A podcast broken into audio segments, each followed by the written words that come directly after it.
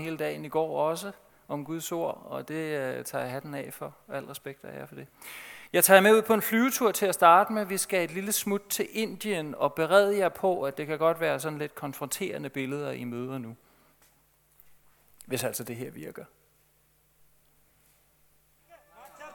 मादर चौथ जब वहाँ उनका इसे ये बीमारी नहीं रोक सका तो क्या अपनी माँ चुदाएगा बताओ बोलो ना और पहले बोल रहा हूँ दोबारा अगर वो किया तो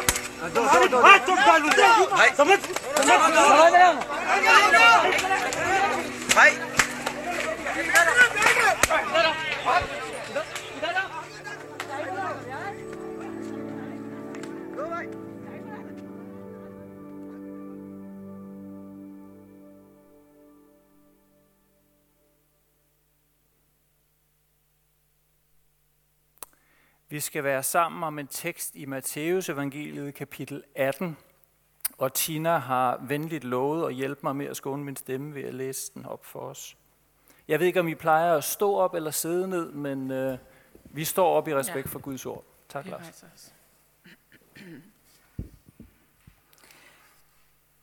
Da kom Peter til ham og spurgte, Herre, hvor mange gange skal jeg tilgive min bror, når han forsynder sig imod mig? Op til syv gange.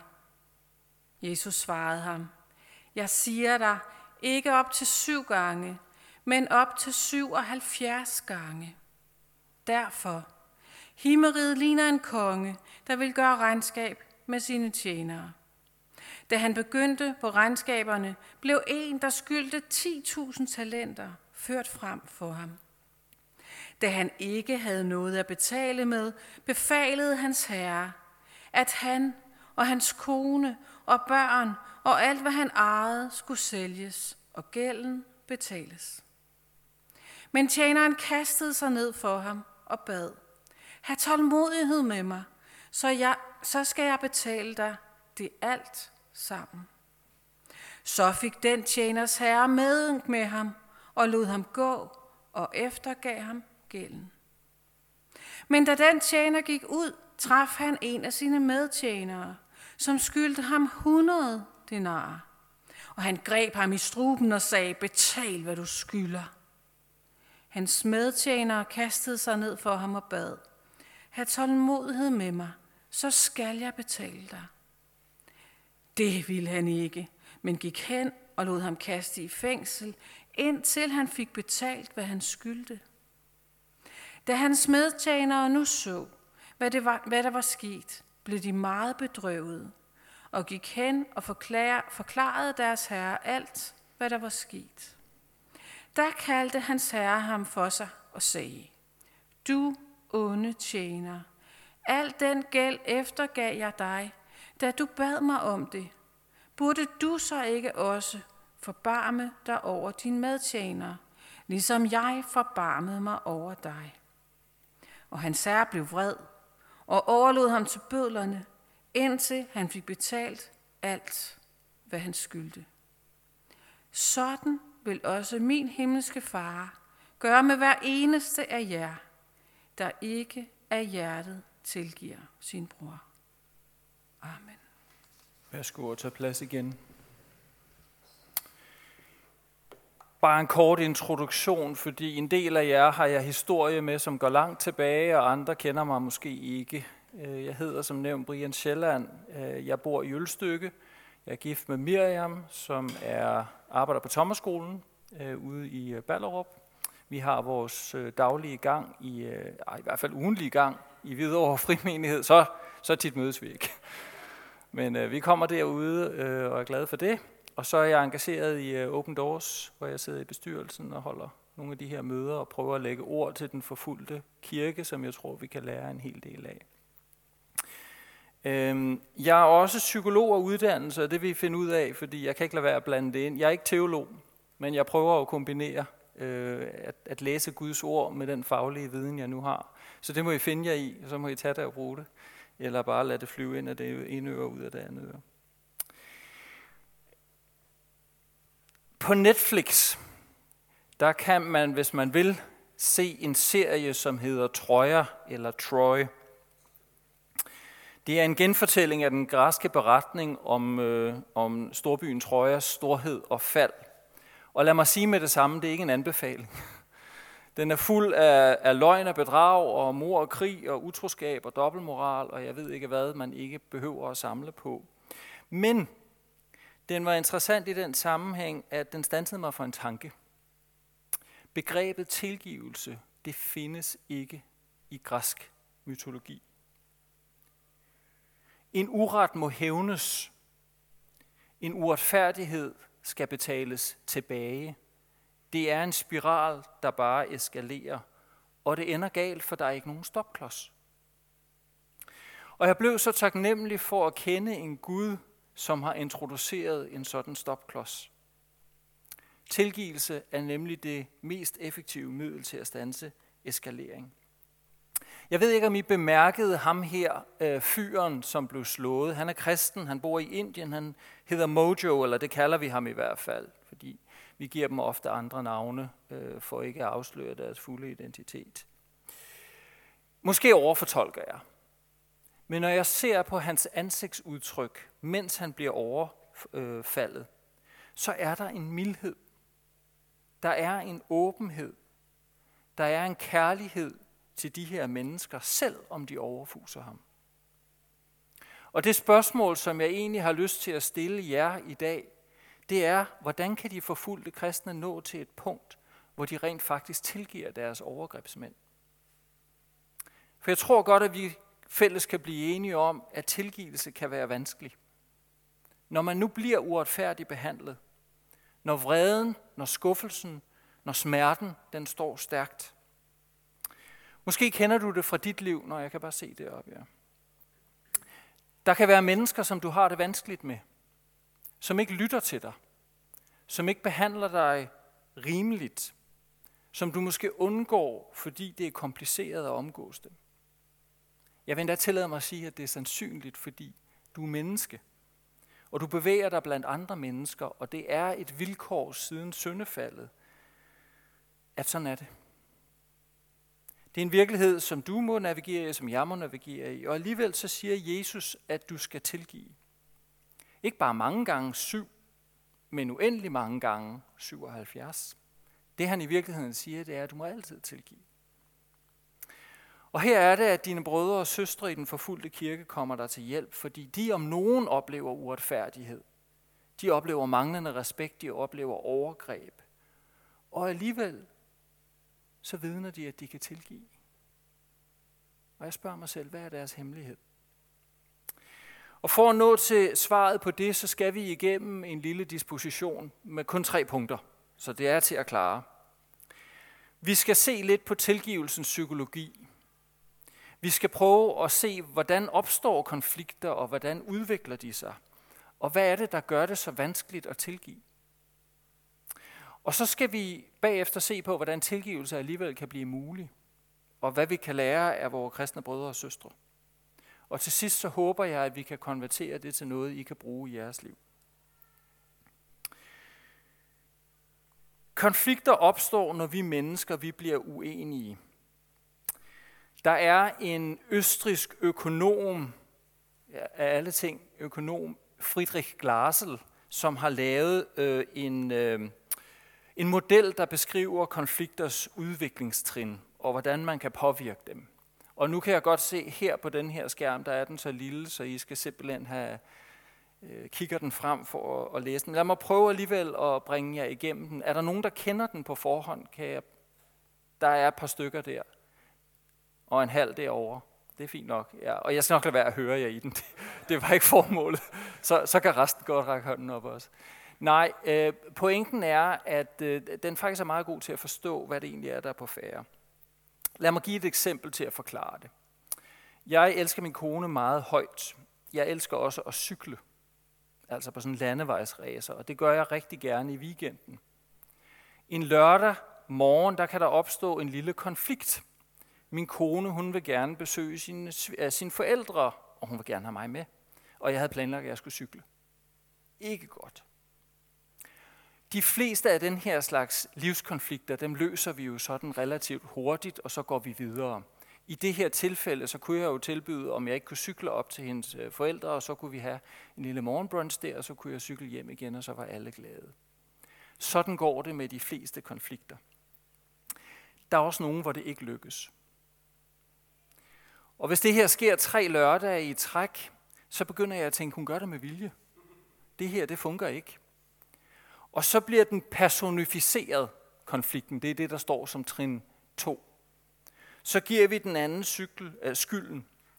Det her det er ikke første gang, hun gør det her. Vi skal, øh, vi skal altid besøge mine øh, svigerforældre, når jeg skal ud og cykle.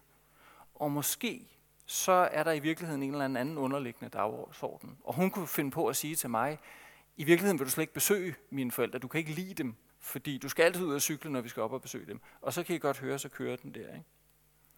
I stedet for problemet, så går vi på personen. Så begynder det at blive sådan langt mere komplekst. Og hvis vi nu ikke lykkedes at fortælle dem det her og få løst det, så kunne det jo være, at det tog et ekstra trin. Så kunne det jo godt være, at hun ringede til sine forældre og sagde, at jeg kan simpelthen ikke, Brian, han er helt umulig. Eller at jeg kunne finde på til nogle venner og sige, at jeg kan simpelthen ikke hver gang, jeg skal cykle. Jeg tror, I kender lidt dynamikken. Og pludselig taler vi ikke med hinanden, vi taler med andre om det, og konflikten den vokser. Det sker ikke heldigvis. Det, nu har jeg jo taget et banalt eksempel, fordi det er sådan lidt ufarligt. Men, men i virkeligheden så tror jeg, at i nogle parforhold, så kan sådan noget godt eskalere. Og så sker der det lige pludselig, at vi opgiver at tale med hinanden. Vi taler med de andre i stedet for. Vi begynder at danne fjendebilleder. Og det, det bliver virkelig, virkelig svært. Vi begynder at tænke, at den anden er et dårligt menneske. Vi begynder at tænke, at den anden bare er imod mig. I virkeligheden har vi glemt, hvad det handlede om, den oprindelige konflikt. Vi er bare optaget af, at den der person vil mig ikke. Måske kan I tænke tilbage, måske har nogen af jer oplevet relationer på arbejde, på studie, med naboer, eller nabokonflikter er jo et klassisk eksempel på det her. Måske genkender I nogle af den her dynamik. Og så begynder vi at skade hinanden, fordi når der er et dårligt menneske der, som vi ikke kan lide, så har vi noget i os, som er svært at kontrollere.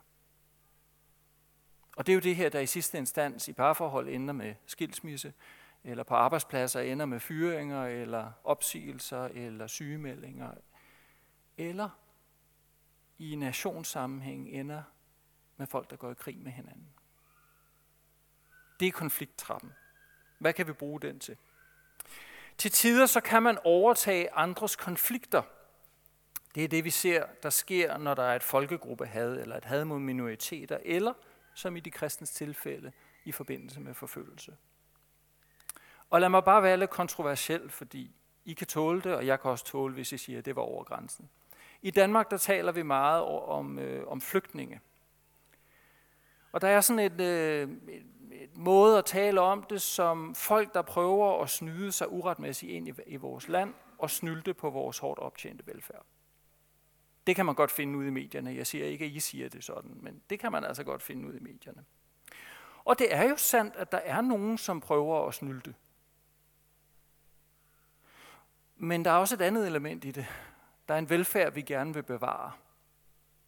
Der er noget, vi føler, vi har fortjent, som ikke nødvendigvis vi ser som en gave fra Gud. Det er et fjendebillede, som i hvert fald nogen forsøger at skabe og vedligeholde. Og sandheden er nok, at vi i virkeligheden vil gøre det samme i deres situation. Vi skal bare tilbage til 1930'erne, og så så vi en kæmpe immigration fra Europa til USA, også fra Danmark, fordi kårene var bedre der. Det er det, der sker for vores forfulgte brødre og søstre. Kristne bliver betragtet som fjender. Fædre og mødre opdrager deres børn til had. Og lad mig bare dele en lille beretning fra Indien, hvor det her billede er taget fra. Det er en beretning om en kristen familie med en 12-årig pige, som bor i et øh, bysamfund. De er nabo til en muslimsk familie. Drengen i nabohuset, han fylder 16 år, og der er fest inde ved siden af. Moren til den her 16-årige kalder ham til og siger, jeg vil gerne give dig en særlig gave i dag. Hvad tror I det er? Gå ind og voldtage naboens datter. Det er min gave til dig.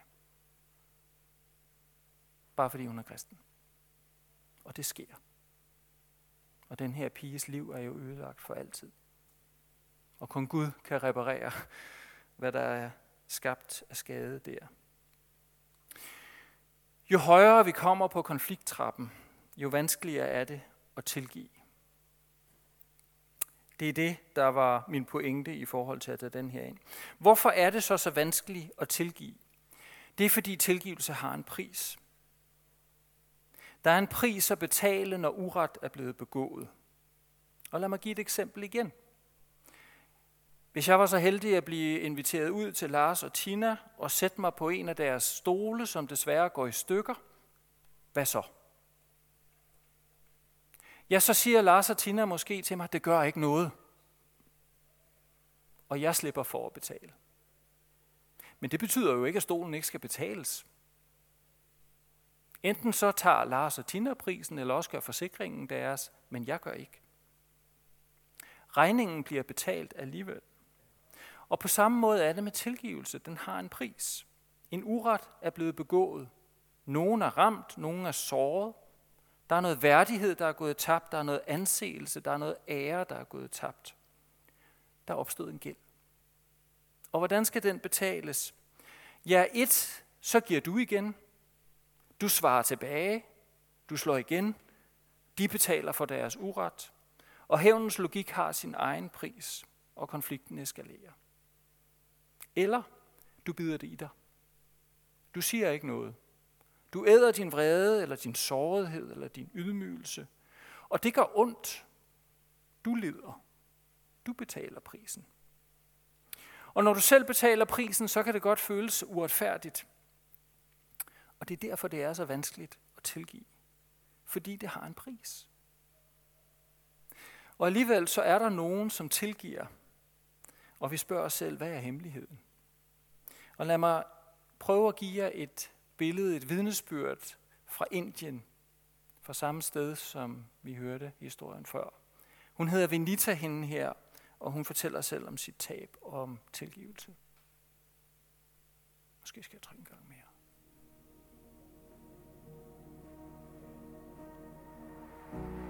Altså, lyden er god nok. Der var ben. When they snatched my baby daughter from my arms, I felt as if our lives would not be spared that day. Kan vi prøve en gang mere, fordi jeg tror, lyden er løbet foran øh, billedet her. Hvis jeg prøver at trykke to gange hurtigt efter hinanden.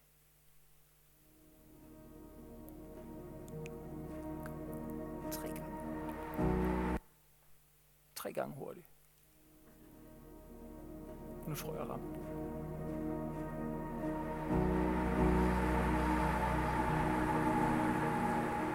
When they snatched, when they my, snatched baby daughter my baby from daughter from I felt as if our lives would not be spared, that, spared day. that day. Hvad siger du? Ja, hvordan får jeg så lyden til at starte sammen med? I remember, I remember they were armed, they were rods. Det kan vi ikke holde ud at høre på, vel? Så, kan du starte den derfra?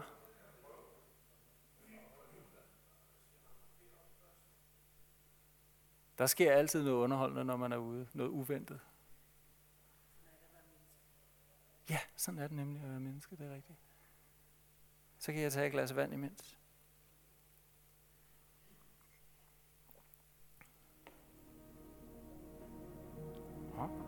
Det lyder lovende, det her. When they snatched my baby daughter from my arms, I felt as if our lives would not be spared that day.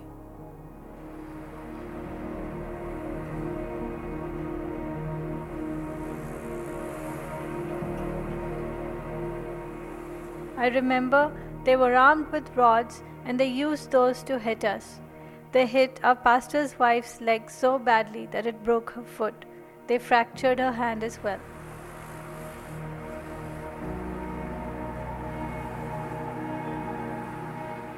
That night, for almost half an hour, they kept hitting us and beating us. They smashed up everything in the house. While they were beating me, I was holding my six month old daughter, but they snatched her from me and threw her on the floor, injuring her leg. As I was running, they were chasing behind, beating me, and trying to catch me. My life was saved as I ran into my neighbor's house and was protected. Otherwise, surely they would have beaten me to death.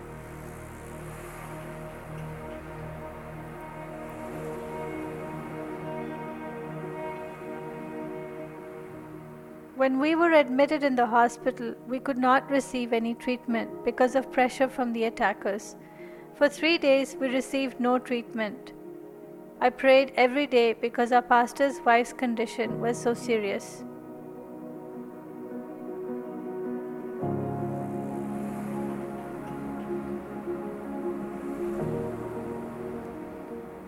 If it had not been for the timely help provided by your ministry partners, my pastor's wife would have died. She was in need of urgent care due to her serious condition.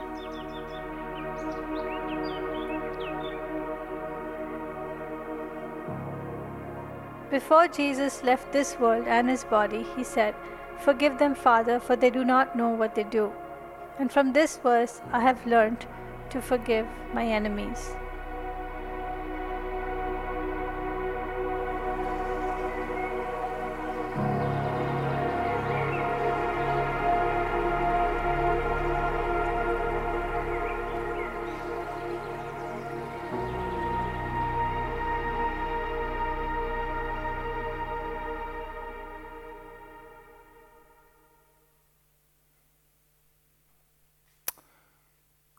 Hvordan kan en kvinde som Vinita tale om tilgivelse efter sådan et overgreb? Nu prøver vi at køre den en gang mere der. Jeg tror faktisk, vi finder svaret i dagens tekst. Hvis du oplever problemer med at tilgive, så vil jeg gerne prøve at tilbyde dig tre nøgler til, hvordan du kan komme derhen.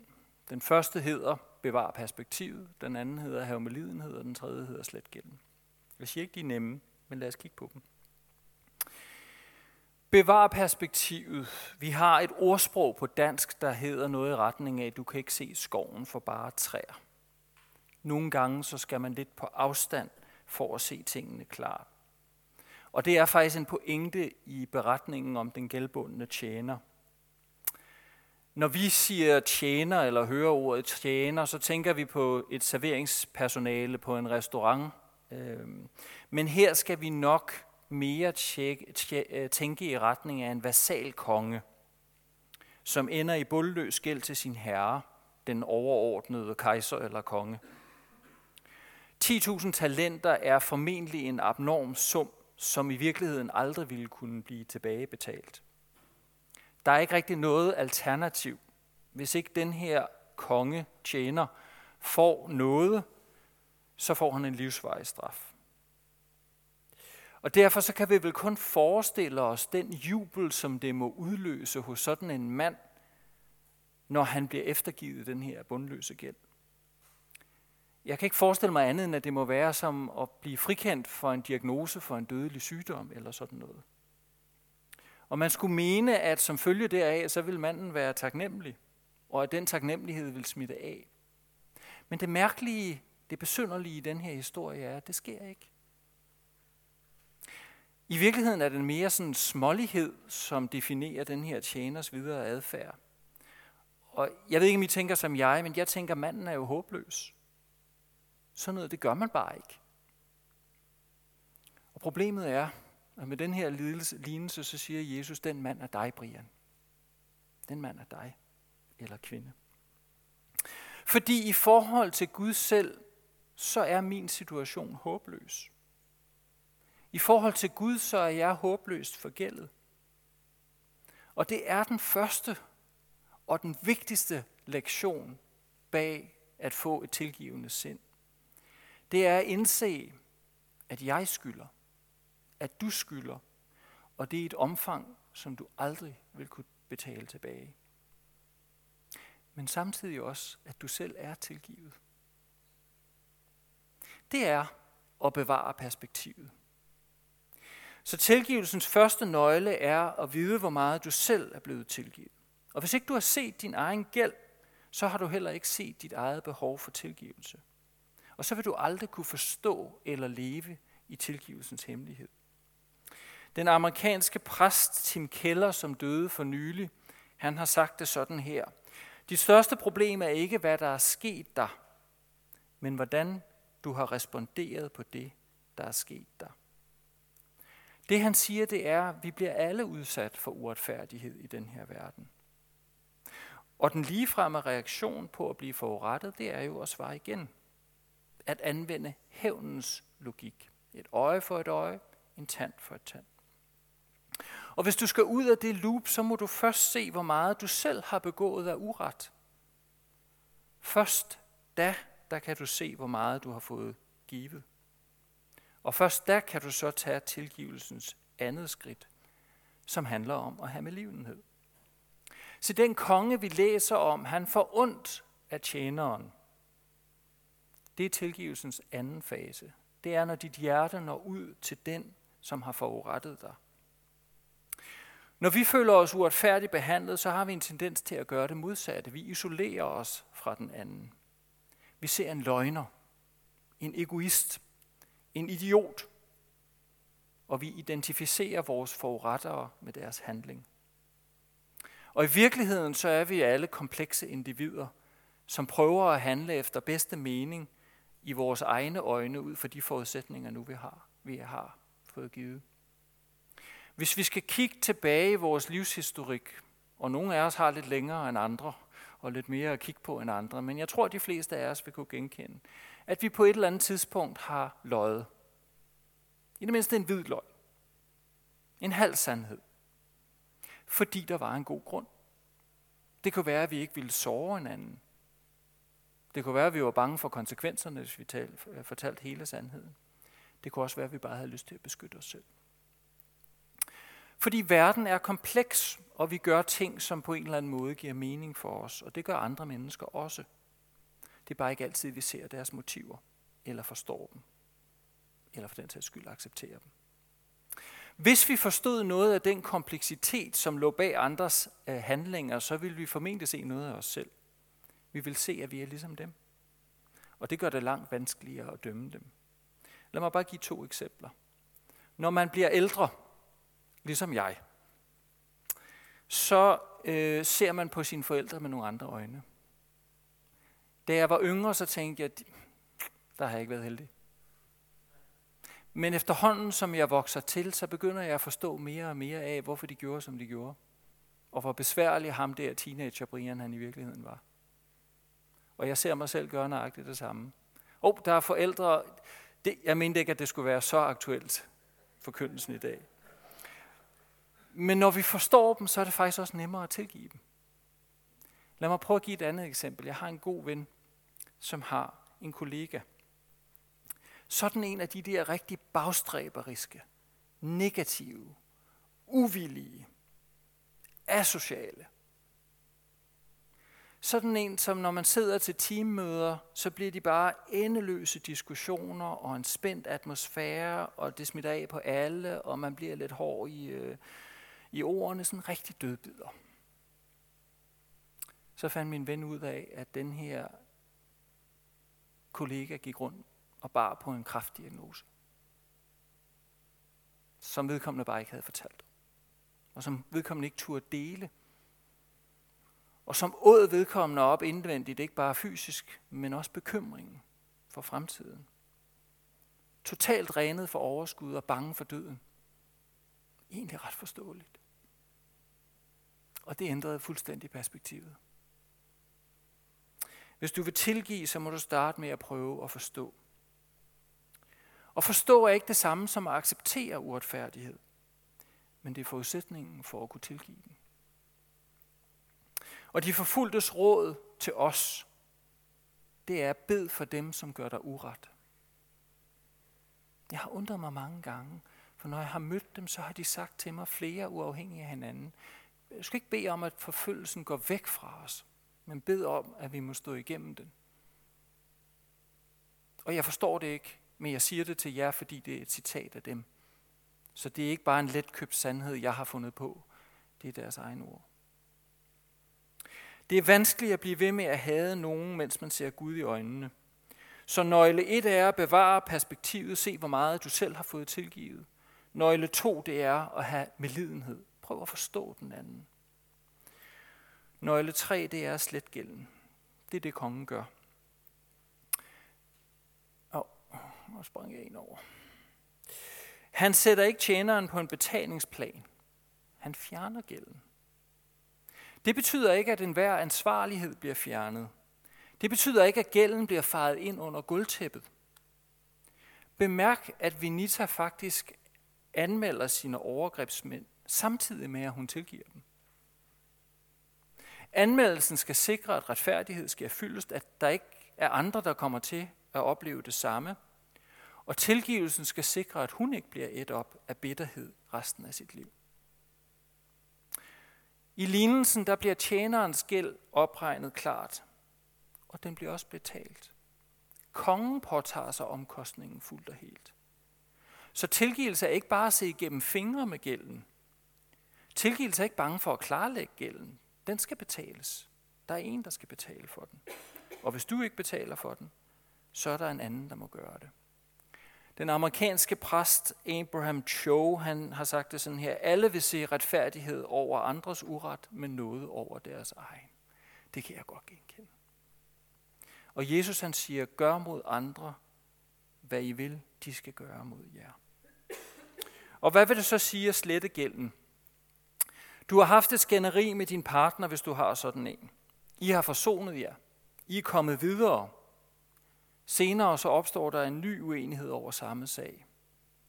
Hvad sker der? Så bliver den gamle sag bragt frem igen. For den er jo ikke væk.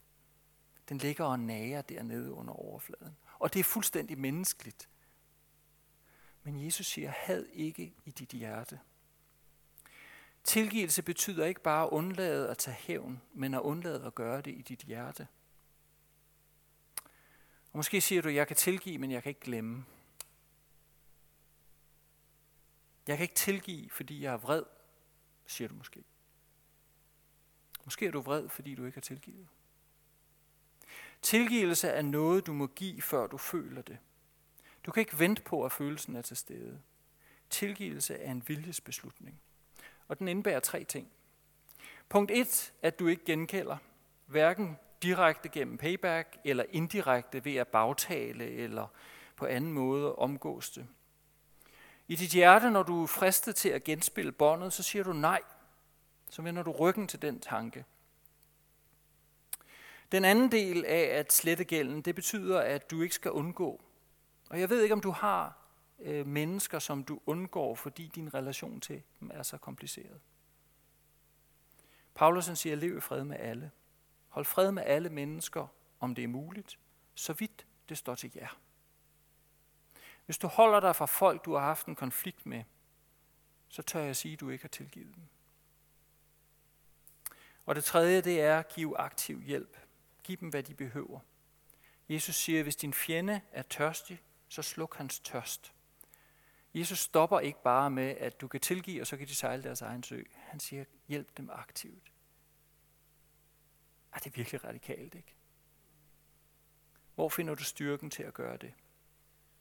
Der bliver nødt til at være en eller anden indre kilde. Der må være noget, som giver dig tålmodighed, selv når alt andet springer i luften omkring dig, og al din logik siger payback. Den kilde finder du kun et sted. Du finder hos kongen, som tilgav din gæld. Se på Jesus.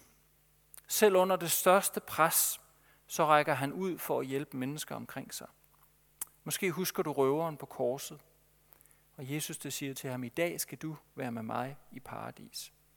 Selv når han hænger der, fuldstændig på det yderste, så åbner han ikke sin mund, og så siger han, Herre, tilgiv dem, for de ved ikke, hvad de gør. Og de ord til dig. På trods af din bundløse gæld, så har han tilgivet dig. Så bærer han ikke nag. Så gengælder han ikke dig din uret så undgår han dig ikke. Han rækker aktivt ud for at hjælpe dig. Det er det, de har erfaret i den forfulgte kirke. Og må Gud velsigne dig til at lukke velsignelsen ind i dit liv.